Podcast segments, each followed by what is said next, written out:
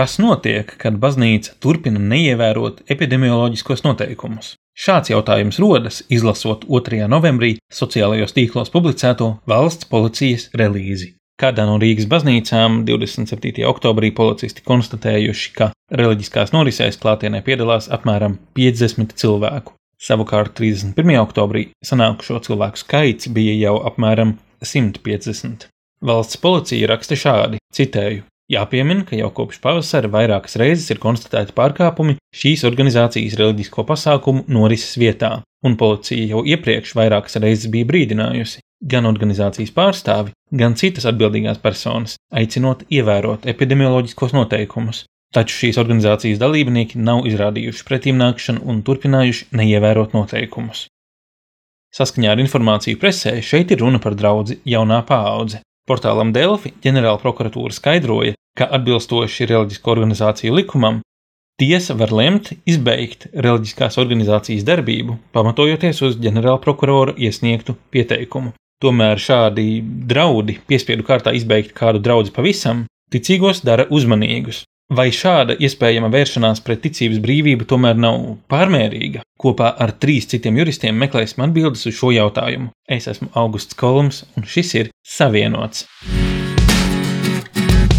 Esi savienots ar mums, Radio Marija raidījumā Savienots.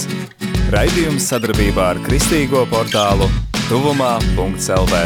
Uzklausām, vērtējam, izpētām un iesakām Trešdienās, pulksten 5. pēcpusdienā. Es esmu savienots!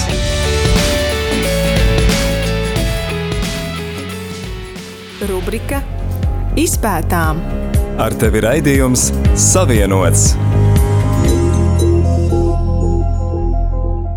Radījumā Savienots šovakar esam četri juristi, jo kopā ar mani Augustu Kolmu ir Aļesija Lavrinoviča, teoloģe, juriste un mana kolēģe no mēdīja Tuvumā LV, kā arī jurists Dominiko Graciozo un zvērināts advokāts Juris Janums. Kolēģi, kādi tad ir jūsu iespaidi par skandalozajām ziņām par jaunās paaudzes neatļautajām darbībām un iespējamo rīcību no valsts puses? Ja drīkst, es gribētu ievadam iedot tādu skatījumu. Gatavojoties šai intervijai, apskatīju tādus trīs blokus - Latvijas Republikas satversmi, reliģisko organizāciju likumu un, nevarētu teikt, praksi, bet jaunākās lietas Eiropas cilvēktiesību tiesā. Latvijas Republikas satversmē mums ir rakstīts, ka Latvija ir demokrātiska valsts. Un šis nav pilnais panta citāts, bet tas ietver ļoti daudz sevi iekšā. Pirmkārt, Latvija ir. Latvija esam mēs, mēs esam valsts, un kā demokrātiska valsts mēs esam vienojušies par savu satversmi, kas satver visus pamatu jautājumus, tāpēc mēs to saucam par pamatlikumu, kas aptver visus tos jautājumu lokus. Atbilstoši satversmei valsts atzīst un aizsargā noteiktas cilvēku pamatiesības, gan saskaņā ar satversmi, gan saskaņā ar starptautiskiem līgumiem, gan saskaņā ar likumiem. Un šeit mums jau iezīmējās zināmas satversmē garantētās tiesības uz reliģisko pārliecību, uz brīvību, praktizēt savu reliģisko darbību. Uzreiz jau šeit var rasties jautājums, nu jā, bet 116. satversmes pantā nav rakstīts, ka drīkst ierobežot satversmes 99. pantu, kas garantē tiesības uz reliģiskās pārliecības brīvību. Tajā pašā laikā satversmē 90. Trešajā pantā ir rakstīts, ka ikviena cilvēka tiesības arī uz dzīvību aizsargā likums. Un šeit mums veidojas kolīzija. Tātad mums ir vienā pusē tiesības uz savu reliģisko pārliecību, uz domu un apziņas brīvību, un otrā pusē mums ir tiesības uz dzīvību. Ir pat vēl vairāk, ir tiesības uz godu un cieņu, un tad var rasties jautājums, vai kādas tiesības ir pārākas par otrām, vai pakārtotas viena otrai, Piemēram, ja tu neesi dzīvs, tad tev arī nebūs apziņa, un tev arī nebūs nekāda reliģija. Tad, attiecīgi, prioritārāk būtu sargājama, piemēram, dzīvība. Šādi varētu ļoti vienkāršoti paskatīties, bet viss nav tik vienkārši. Ievērojot to, ko es jau teicu, kad satversmē 116. pantā, kas ir tas tradicionālais pants, ko piesauc ierobežojot cilvēku pamatiesības, nav minēts. 99. pants Tas mums norāda uz to, ka tiesības uz apziņas un reliģiskās pārliecības brīvību ir ļoti svarīgas tiesības. Tās tiek atzītas un aizsargātas, kā arī ierobežotas caur satversmes 89. pantu un reliģisko organizāciju likumu.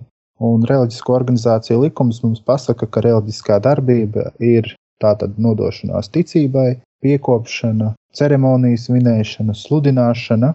Un šī likuma mērķis ir regulēt šīs visas darbības, jo to rezultātā sabiedrībā, un es atgādināšu, ka mēs esam valsts sabiedrība, kas esam vienojušies, tātad šīs attiecības šajā jomā regulē šis attiecīgais likums. Taiskaitā tas regulē arī to, kā mēs īstenojam savu apziņas brīvību un reliģisko darbību. Aizsteidzoties notikumiem pa priekšu, es jau gribētu pateikt, ka šobrīd Latvijas Republika, jeb Latvijas valsts, nav ierobežojusi neviena cilvēka apziņas brīvību. Nu, mums nav neviens pateicis, tev nebūs tā domāt. Tu esi brīvs savā apziņā, un arī absolūti nav ierobežota reliģiskā darbība. Es domāju, mēs nevarētu teikt, ka reliģiskā darbība ir absolūti ierobežota.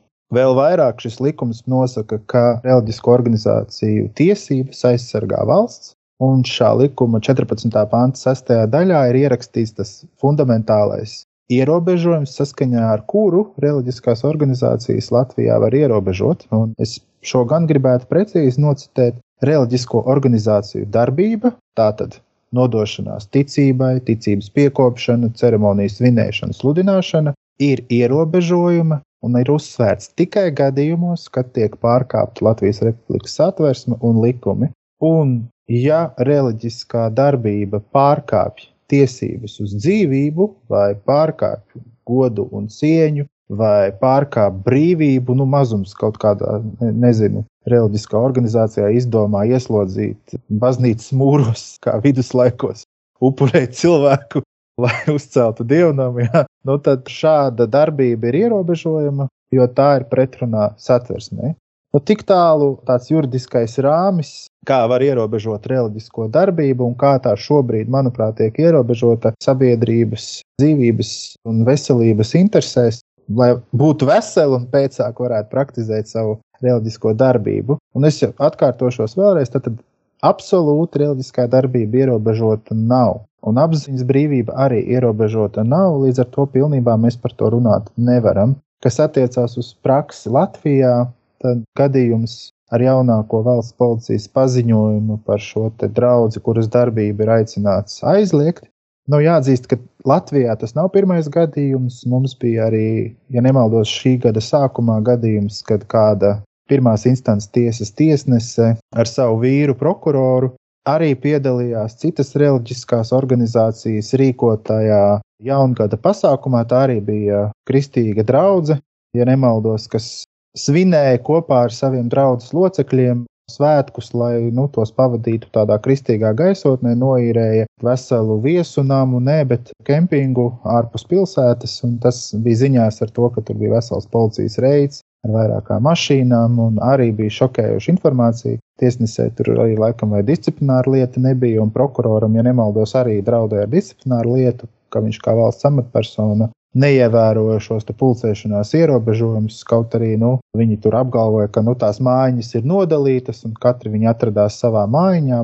Bet, nu, beigu beigās tomēr arī reliģiskā darbība, praktizēšana svētku laikā tādējādi tika ierobežota. Un tad tas trešais bloks, ja kādam interesē dziļāk, tad Jūs varat apskatīties Eiropas cilvēktiesību tiesas mājaslapā. Ir pavisam svaigi oktobrā izplatīts paziņojums no Eiropas cilvēktiesību tiesas, kur ir uzskaitītas visas uzsāktās lietas par pārkāpumiem saistībā ar Covid-19 ierobežojumiem. Es nepārlasīšu pilnīgi visu, varu tikai pateikt, ka 90, nu, es pārspīlēšu, bet 90% lietu šobrīd ir izskatīšanā, jo, lai nonāktu līdz Eiropas cilvēktiesību tiesai, tev ir jāizdara ļoti daudz soļu jāiztiesājas uz vietas valstī ar visām tiesām līdz galīgiem nolēmumam, un tad tu vari nonākt Eiropas cilvēktiesību tiesā. Nu, ja vien nav, tas nav izņēmuma gadījums. Šeit ir bijuši mēģinājumi, bet tie bijuši neveiksmīgi. Tieši šī iemesla dēļ arī tās pirmās skaļākās lietas, kas Eiropas cilvēktiesību tiesā ir bijušas, ir izkritušas, jo vienkārši nav izmantotas visas iespējas nacionālajā līmenī. Bet šajā paziņojumā īpašu uzmanību piesaistīs sadaļa, ka ir uzdots jautājums par tiesībām uz apziņas un reliģijas brīvību. Un ir trīs lietas, kas šobrīd ir izskatīšanā, nu, sagatavošanā, varētu teikt, jo valsts vēl nav sniegusi par tām savu viedokli. Proti, tās ir spīnu pret Rumāniju, lietas numurs 2944, 20. Tas nozīmē pagājušā gada pieteikums. Lieta ortodoksālā eklezistiskā apvienība pret Grieķiju, pieteikuma numurs 5204, 20 un Magdičs pret Horvātiju, lietas numurs 17, 578, 20. Būtībā visas šīs lietas vieno vienu un to pašu jautājumu par to, ka pirmajā Romānijas lietā ir tāds par cietumnieku, kurš ir 7. dienas adventistu baznīcas piederīgais, kuram Covid ierobežojumu dēļ nav pieejami svētdienas dievkalpojumi. Tātad lieta ir izskatīšanā un tiek gaidīti valdības paskaidrojumi. Lieta pret Grieķiju ir saistīta ar lieldienu svinēšanu 20. gadā. Tur tātad no mārta līdz mājām bija ierobežojumi, kas liedz svinēt lieldienas. Latvijā, ja atceramies, mums bija kaut kas līdzīgs, bet nu, mums, piemēram, krustaceļš notika virtuāli. Tas bija savādāk, tas bija neparasti, bet arī es piedalījos krustaceļā virtuāli. Horvātijas gadījums arī ir par valdības lēmumu ierobežot pārvietošanās un pulcēšanās brīvību, attiecīgi pulcēties divnamiem. Šāds ir tas fons, kurā mēs atrodamies. Tātad Latvija nav ne ar ko unikāla. Tā ir tā situācija, kurā mēs esam. Un slimība, diemžēl, ir smaga un notiek cīņa ar to. Veselības labad ir zināmi ierobežojumi, ar kuriem mums ir jāsaskarās. Personīgi manā pieredzē, kā praktizējošam kristietim, nu, jā, arī ir bijusi pieredze. Mēs redzam, ka dievkalpojums notiek tiešraidē. Citreiz tev ir jāiet, varbūt kā koristam dziedāt, lai kuplinātu šo dievkalpojumu tiešraidē. Tu palīdzi draudzē varbūt veidot mājaslapu, jo mājaslapas pēkšņi draudzēm ir ļoti aktuāls un svarīgs informācijas avots. Tev jāiemāca varbūt konservatīvākām draudzēm un jāstāsta, kāpēc ir svarīgi raidīt dievkalpojumu tiešraidē, un ka tas varbūt nenonāk pretrunā ar kanoniem, bet tur es varbūt ļaušu izteikties pārējiem. un tādā ziņā mēs esam ierobežoti, bet Tas atbild uz to, ka reliģiskā darbība Latvijā nav absolūti ierobežota. Tikai šī pulcēšanās dievnamā un arī pat, ja zināmos gadījumos sakramentus var saņemt individuāli. Gan grēksūdzi, gan komuniju. Tas ir tas rāmis, kurā mēs esam. Un, ja mēs atgriežamies pie konkrētā valsts policijas gadījumā, kad tiek masveidā organizēta pulcēšanās. Jā, bija šis gadījums Kanādā, kas izplatījās internetā ļoti populāri, kad mācītājs beigās tika apcietināts par klaju varas iestāžu prasību ignorēšanu un nereaģēšanu uz pavēstēm, ierasties tiesā. Tas bija tāds varbūt neviennozīmīgs gadījums, un acīm redzot, tiek mēģināts radīt līdzīgu ažiotāžu šeit, Latvijā. Kāds ir tas mērķis, es nezinu. Es mēģināju saprast to domu šādām darbībām kontekstā ar Kanādas pieredzi. Un man prātā nāca viņa ekscelence uh, Lelba biskupa Jāņa Vanaga uzruna šī gada 21. augustā Doma baznīcā. Latvijas valstiskuma atjaunošanas gada dienā, un manuprāt, tur ir tā atbilde, kāpēc ir šādas attieksmes, jā, tādas pašapliecināšanās. Savukārt teoloģijas fakultātes, ja nemaldos, viņš ir tagad atkal dekāns. Cālītis Juris vakar vai aizvakar ziņās izteicās ļoti labi, ka tā ir iespējams jauna ticība. Tātad cilvēki ir nolikuši sev to par elku. Par to zināmā mērā arī runā Jānis Vanaks 21. augusta savā sprediķī. Nu, nobeidzot savu garo ievadu, Pāvests Francisks šī gada sākumā pateica, ka tas ir mūsu ētisks pienākums darīt visu iespējamo, lai cīnītos ar šo vīrusu. Un no tā ir atkarīga mūsu un citu cilvēku veselība un dzīvība. Un nav tā, es vēlreiz atkārtošos, ka mums nekas nav pieejams. Mums ir ļoti daudz kas pieejams, un vienkārši tas ir jāizmanto.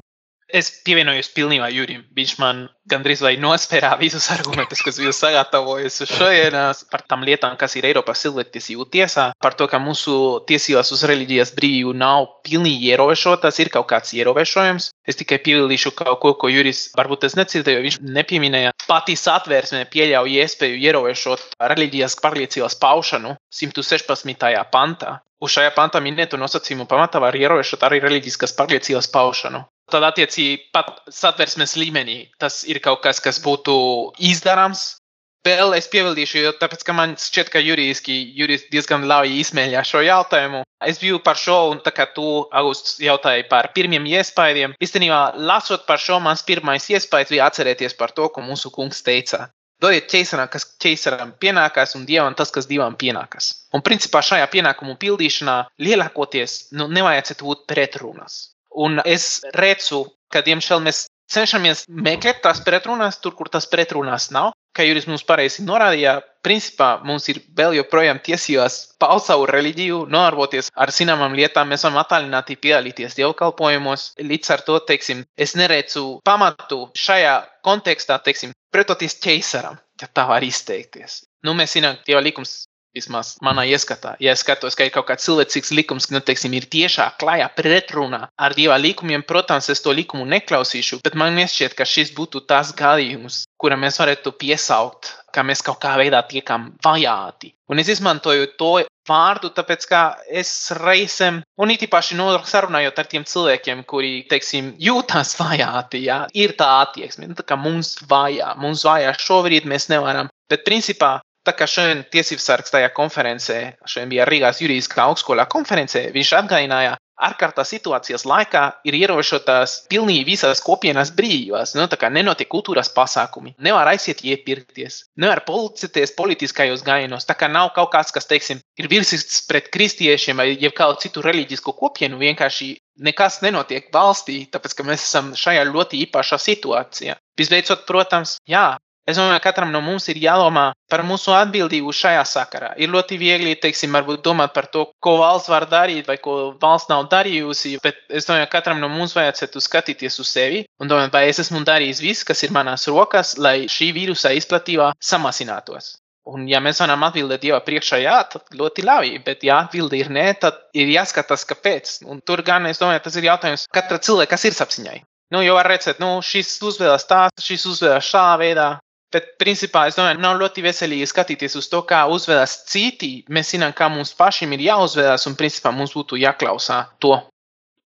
Vispirms atzīšos, ka kādus dažus gadus savas bērnības es pavadīju draudzē jaunā paudze, un tāpēc jebkas, kas skara, protams, šo draudzi, mani neatstāja gluži vienaldzīgu vai pavisam vienaldzīgu. Un, protams, es aptuveni zinu, kāda ir draudzes mācība un nostāja, vai arī attieksme pret sabiedrību un pret šobrīdējiem ierobežojumiem. Un tieši pirms šīs diskusijas es paklausījos daļu no Alekseja Ļģājeva, galvenā mācītāja sprediķa 3. novembrī, kur viņš principā uzskata šos pret viņiem vērstās darbības, ko ierosinājusi prokuratūra par evanģelizācijas iespēju.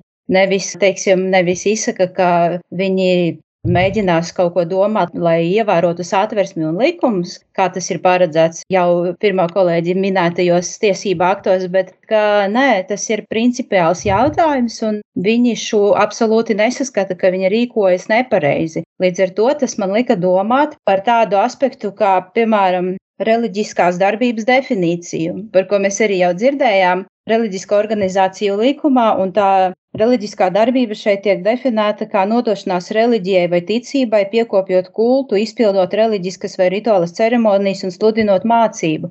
Un tad sludinot mācību, vai nesanāk tā, ka principā tās draudzes vai reliģiskās organizācijas vai kādi grupējumi reliģiski Vai nav tā, ka to principiālo attieksmi pret nevakcinēšanos un noteikumu neievērošanu viņi nav padarījuši kā daļu no savas sludinātās mācības? Jo tas iespējams ir tas, ko Juris Cālītis arī domā, ka tā ir kaut kāda jauna reliģija, bet varbūt ne tik tālu, ka tā ir principiāli jauna reliģija, bet ka tā ir daļa no mācības, ja tās ir kristīgās draudzes, ko tie garīdznieki ir interpretējuši kā daļu kristīgās mācības. Un tad es saskatu risku un bīstamību. Vispār, ja tas tiek sludināts kā daļa no kristīgās mācības, tad mums ir pamats domāt, ka kristīgā sabiedrība patiešām ir sašķēlusies un vairs nesaprot, kas tad ir kristīgā mācība un kas nav. Un uh, pie šī paša domājot, tā paša līkuma reliģiska organizācija līkuma desmitā panta otrā daļa, man likās interesanti, ka patiesībā te gan būtu pamats tām diskusijām, kas šobrīd notiek prokuratūrā un policijā,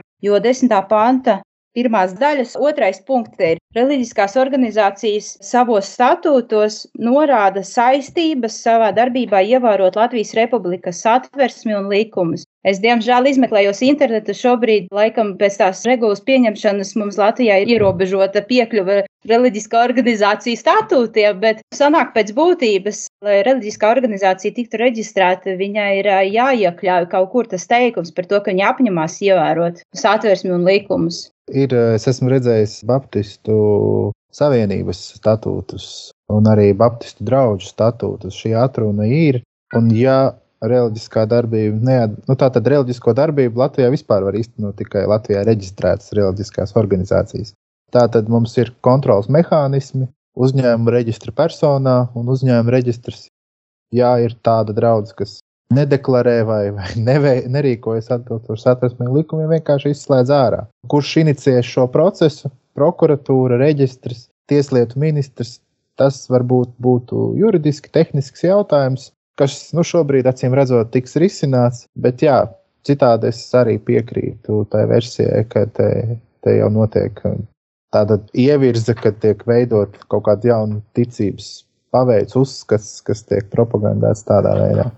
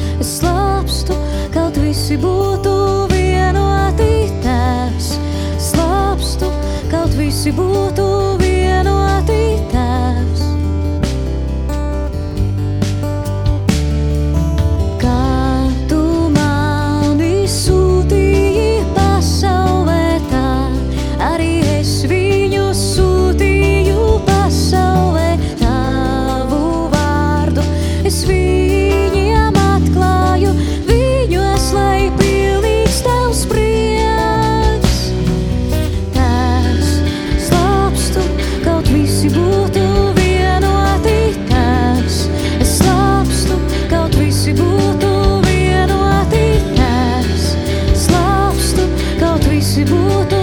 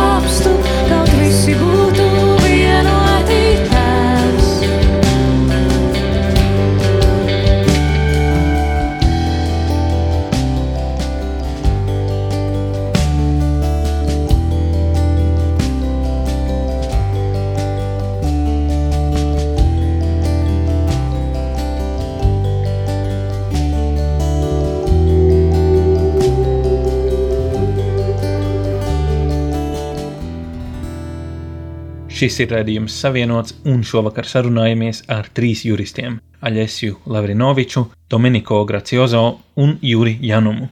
Runājam par to, vai ir pamats tiesas ceļā izbeigt tādas draudzes darbību, kura klaji pārkāpja epidemioloģiskos noteikumus.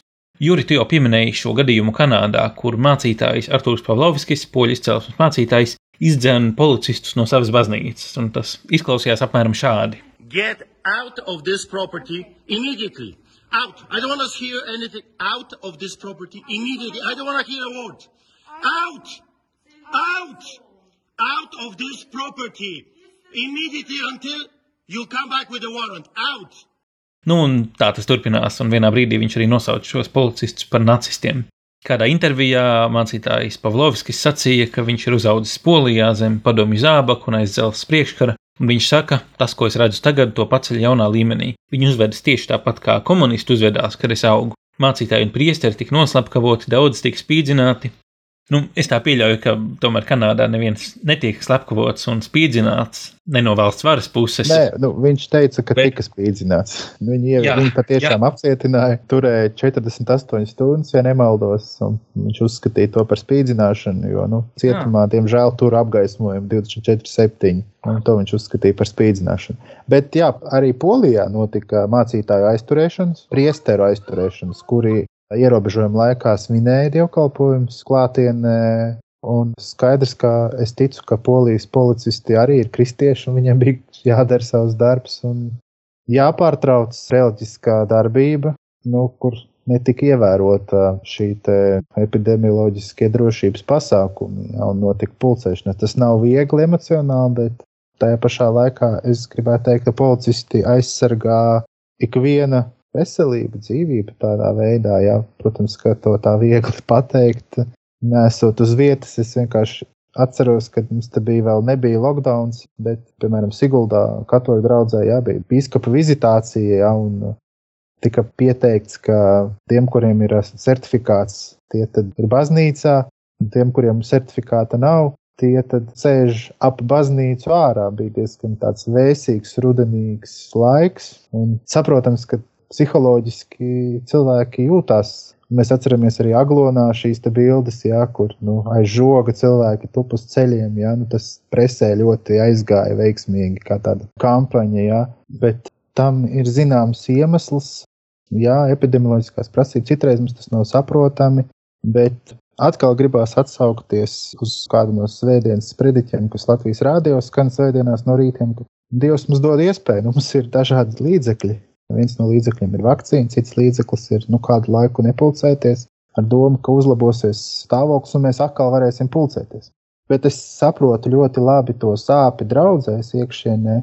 Vienalga, vai tā ir jaunā paudze, vai baptisti, vai katoļi, vai pareizticīgie, šķelšanās ir visās, un ir šausmīgi tas tiek uztverts. Tas nav juridisks jautājums, bet tāpat kā valsts mērogā izgaismojās šīs problēmas ar tiesību īstenošanu, Tāpat arī draudzēs izgaismojās mūsu problēmas, nu, tādā varbūt ticības sfērā. Ja?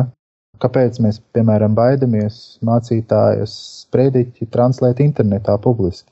Vai tad viņš kaut ko sliktu sludina, vai ja mēs neatļauti pulcējamies kā draudzē, ja? kāpēc mēs izdomājam, piemēram, slēgt telpas durvis, kurās mēs pulcējamies? Vai tā ir tā atvērtā baznīca, kura sludina mācību aiz aizslēgtām durvīm, nu, tur kaut kā neiet kopā. Tas, nu, tas tādi novērojumi, kas varbūt iziet drusku ārpus juridiskā loka, bet jā. Man atkal liekas, ka ļoti pamatoti tie novērojumi, jo tie robežojas ar tādu teoloģijas vēsturi, un sākumā jau pirmie kristieši tiešām noturēja dievkalpojumus ar aizslēgtām durvīm, un pilnīgi iespējams, ka baidījās par savu dzīvību respektīvi, jo viņi tika vajāti. Un šodienas kristieši, kas noliedz vai neievēro epidemioloģiskos noteikumus, arī uzskata, ka viņi tiek vajāti. Jautājums tikai, vai viņi pamatoti šo vēsturisko notikumu par kristiešu vajāšanām pārnes uz mūsu laiku, ja tas ir iedomāts kaut kas galvās un, un lasot atklāsmes grāmatu, iespējams, varbūt redzot sevi kā tādus vajātus kristiešus šodienā. Varbūt tur ir tas moments, bet, bet tas ir pamatoti, bet man liekas, ka nepamatoti gan tas poļu mācītājs vai priesteris teica, ka tas atgādina nacisma laikus, jo es vienkārši domāju, mēs varētu to padiskutēt, kādā veidā likuma piemērošana savādāk var notikt. Nu, nacisma ideoloģijā likuma piemērošana bija brutāla, bet savādāk, ja cilvēkiem pasaka ar labu nepulcēties, kādā veidā var reāli, bez policijas līdzdalības, kādā veidā var notikt tā likumu piemērošana sabiedrībā. Man gan šeit ir jautājums, kas ir drīzāk tāds, tāds politisks, varbūt, un nevis politisks tādā ziņā, ka es atbalstītu kaut kādu politisku partiju, bet nu, politisks no tā, kā vajag valdīt par pilsētu. Un tas ir par to, kā veidā tiek komunicēta no valdības puses, un ne tikai Latvijā, īstenībā, nu, teiksim, mūsu occidental, jā, tas ir rietumu kultūrā, tiek komunicēts, nepieciešami jau vakcinēties. Un, ja mēs lasām, piemēram, ASV vai mēs lasām Eiropā, kādi ir tie aicinājumi vai, teiksim, kādi ir tie paskaidrojumi, ļoti daudzas reizes, diemžēl, viņi ir ļoti kategoriski. No sērijas, tev vajag vakcinēties, ja tu tici zinātnē, tāpēc, ka tev vajag ticēt zinātnē. Tev vajag vakcinēties, tāpēc, ka sāk tu nomirsi. Jā. Tev vajag vakcinēties, tāpēc, ka tas ir gudri. Jā. Tad, kad ministru kabinets pieņēma šo konkrētu ārkārtas situācijas lēmumu no mūsu es tādu neatceros, bet Karins vai Pāvils viens no abiem teica, mēs esam šo nevakcinētu cilvēku kustā, un viņi rīkojas līdzīgi kā teroristiem. Es saprotu, ka viņš ir varbūt vīlies, viņš jūtas arī slikti, jo man arī nepatīk šie ierobežojumi un tajos būt, bet, nu, teiksim, es nevaru uzrunāt to sabiedrības daļu, kur nevar vakcinēties ar tādiem epitētiem. Es nevaru viņiem teikt, jūs principā esat teroristi. Ja? Nu, neviens cilvēks nevar ieklausīties tajā aicinājumā. Es arī nevaru teikt, ja tu nevakcinēsies, tu mirsi. Jo nu, dati liecina par to, ka pat cilvēki, kuri bija vakcinēti dažādu citu iemeslu dēļ, kas nebija saistīti ar vakcīnu, bet arī mirst no šī sērga. Ja? Tāpēc es, teiksim, es arī aicinātu domāt par to, kā godīgāk doties uz komunikāciju. Kā labāk komunicēt nepieciešamību šos ierobežojumus ievērot. Un vēl viena lieta, par kuru Nu, teiksim, arī par tām pašām vakcīnām. Ja? Nenoliekšu, ka vienā brīdī man pašam tas bija teiksim, tas jautājums, vai tajā tiks vai netiks izmantotas cilmes šūnas, kas tika aizgūtas no embrioniem, kas tika abortēti. Man morāli tas bija svarīgs jautājums. Protams, es pēc tam sapratu, ka tas bija noticis tik sen, ka es izmantojot vakcīnu aktīvi neveicinu ļaunu, neveicinu to, ka nu, vēl joprojām tiktu abortēti bērni, lai no tiem varētu dabūt cilmušanas vai varētu ar tām darboties vakcīnās veicināšanā. Toties, jā, nu, šis ir jautājums, kas vēl ir aktuāls vairākiem cilvēkiem. Un es nevaru vienkārši viņam atbildēt, tu esi radikāls, tu esi, teiksim, nesolidārs. Es domāju, būtu labi arī doties un atbildēt uz tiem jautājumiem mierīgi un būt atvērtiem uz tādu tā kā dialogu, mīlestības dialogu, ka mēs saprotam viņu, teiksim, uzskatus un mēs esam gatavi klausīties un mēs esam gatavi sarunāt un aizbēgt no tādiem kategoriskiem lozungiem, tad, kad mēs aicinām cilvēkiem ievērot šos ierobežojumus. Protams, jā, nu, mums ir nepieciešama izpildvārā, kas šos ierobežojumus, teiksim, lietas ievērot, bet, nu, teiksim, komunikācija varētu, viņu varētu uzlabot. Es gribētu nedaudz atgriezties pie mūsu tās pamat tēmas par reliģisko organizāciju darbību. Un paturpinot to domu par to, kā savādāk īstenot šos epidemioloģiskās drošības pasākumus ja ne ar policijas palīdzību. Varbūt nedaudz pakāpjoties atpakaļ retrospektīvā, ja mēs paskatāmies no pagājušā gada marta tos ierobežojumus, kas bija uz tieši reliģisko organizāciju darbību, tad jāsaka godīgi, ka nu, tie striktākie ierobežojumi faktiski ir tikai pēdējos mēnešos šogad parādījušies.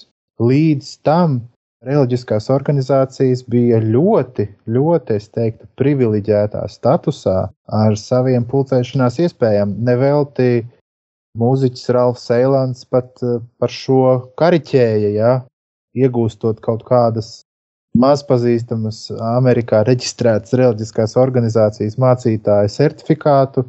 Nu, viņš to, protams, pārvērta par šovu. Viņš teica, ka viņa koncerts nebūs koncerts, bet reliģiska darbība, šai Amerikā reģistrētai reliģiskai organizācijai, kas notiks Latvijā, ja, un tad nu, viņš tur nevis dziedās, bet tā tad būs reliģiskā darbības izpausme, ja, ceremoniāli. Protams, ka tā ir zākāšana, protams, un tāda, nu, es teikšu, varbūt ņirgāšanās vai likuma, tad ļaunprātīga izmantošana ne pēc tā satura un jēgas no viņa puses, bet Vēlreiz teikšu, ka nu, mēs bijām ļoti privileģētā statusā, un es teiktu, līdz pēdējiem brīdim, līdz tam, kad nu, mēs esam situācijā, kad mēs esam pirmajā vietā pēc saslimstības rādītājiem.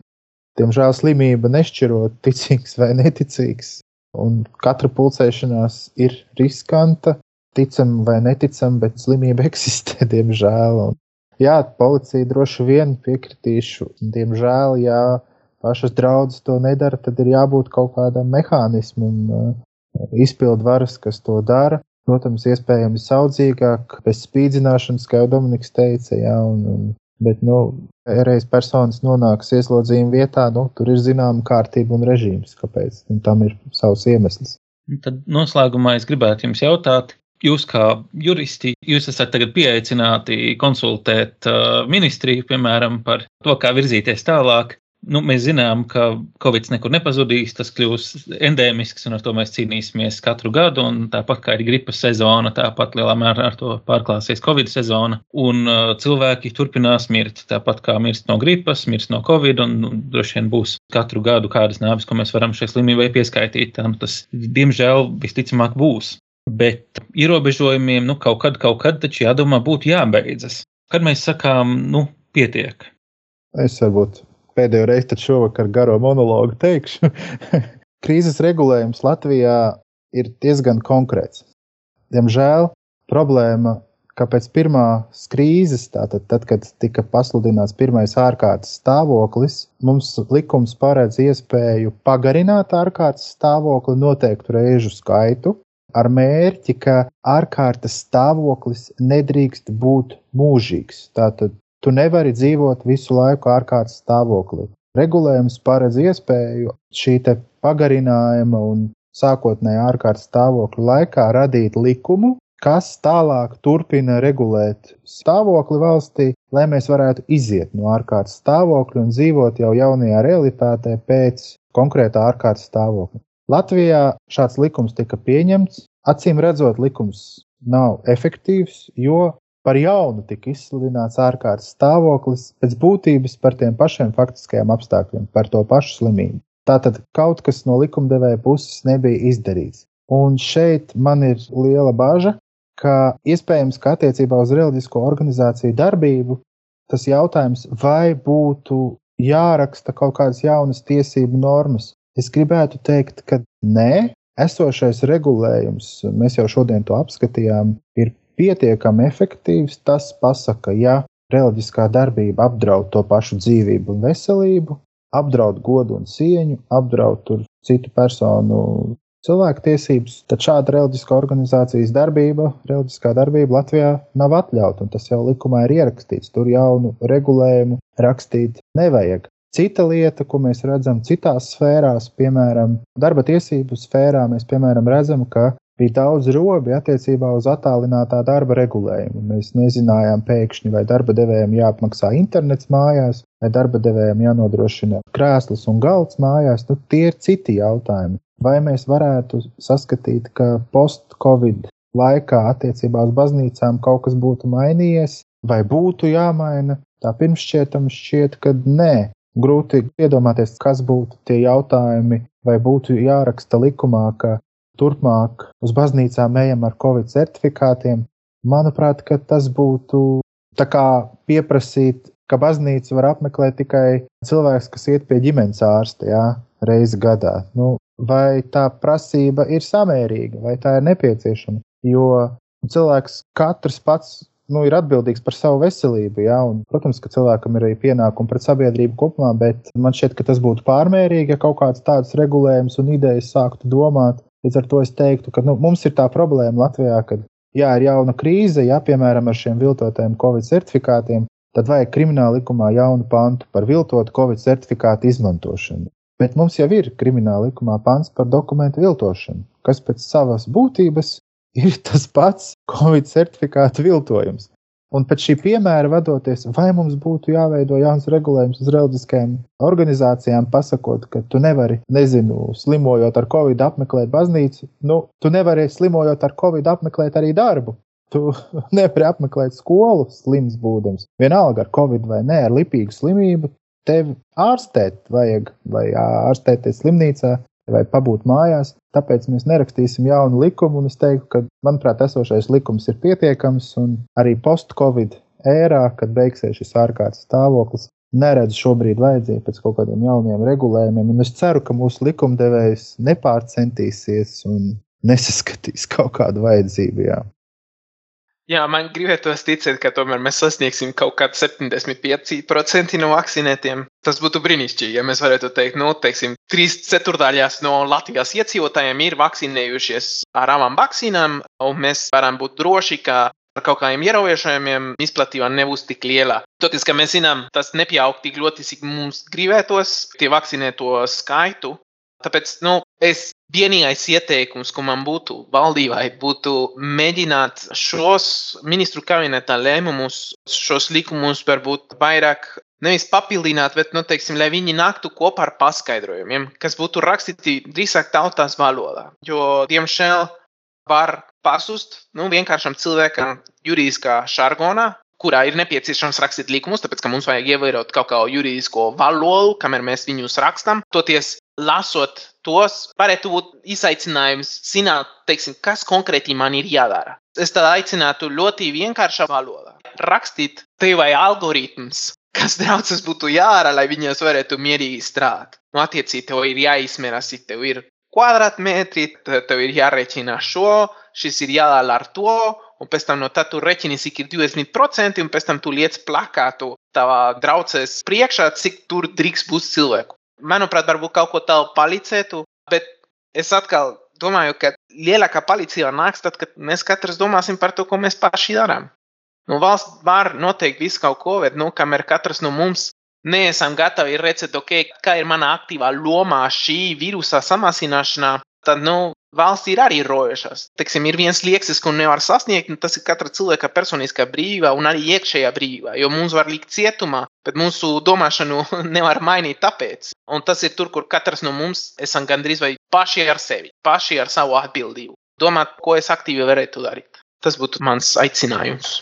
Es domāju, ka jaunajai paudzei, kā visiem subjektiem Latvijā, ir tiesības pierādīt savu taisnību tiesā, un tas būtu labs precedents, man liekas, Latvijā. Un vispār, manuprāt, sāktu risināt situāciju, kas izveidojās pēc reliģisko lietu padomas reorganizācijas, kad man kā cilvēkam, kas ir pusmūžu pavadījusi šāda tipa reliģiskajās organizācijās un tagad studējot teoloģiju ilgstoši, Ir stipras aizdomas, ka Latvijā neviena vien brīvbaznīca realizē psiholoģisko manipulēšanu ar cilvēkiem.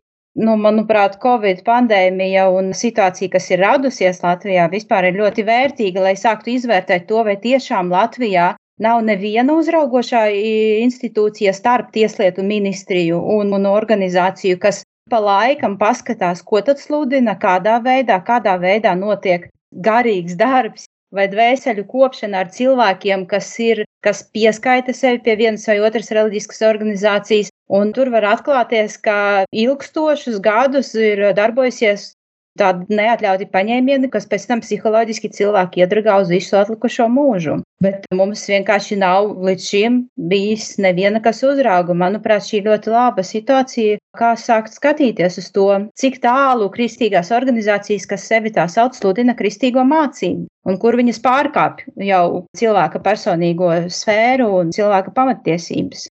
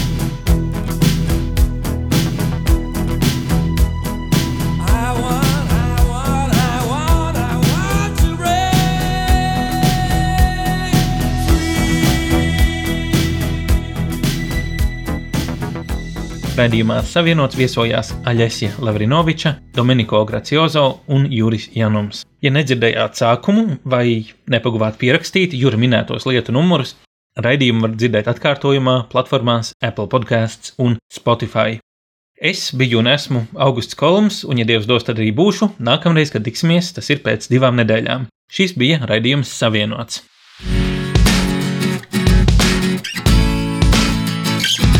Tu klausījies raidījumu Savienots. Būsim atkal ēterā trešdien pulksten piecos pēcpusdienā.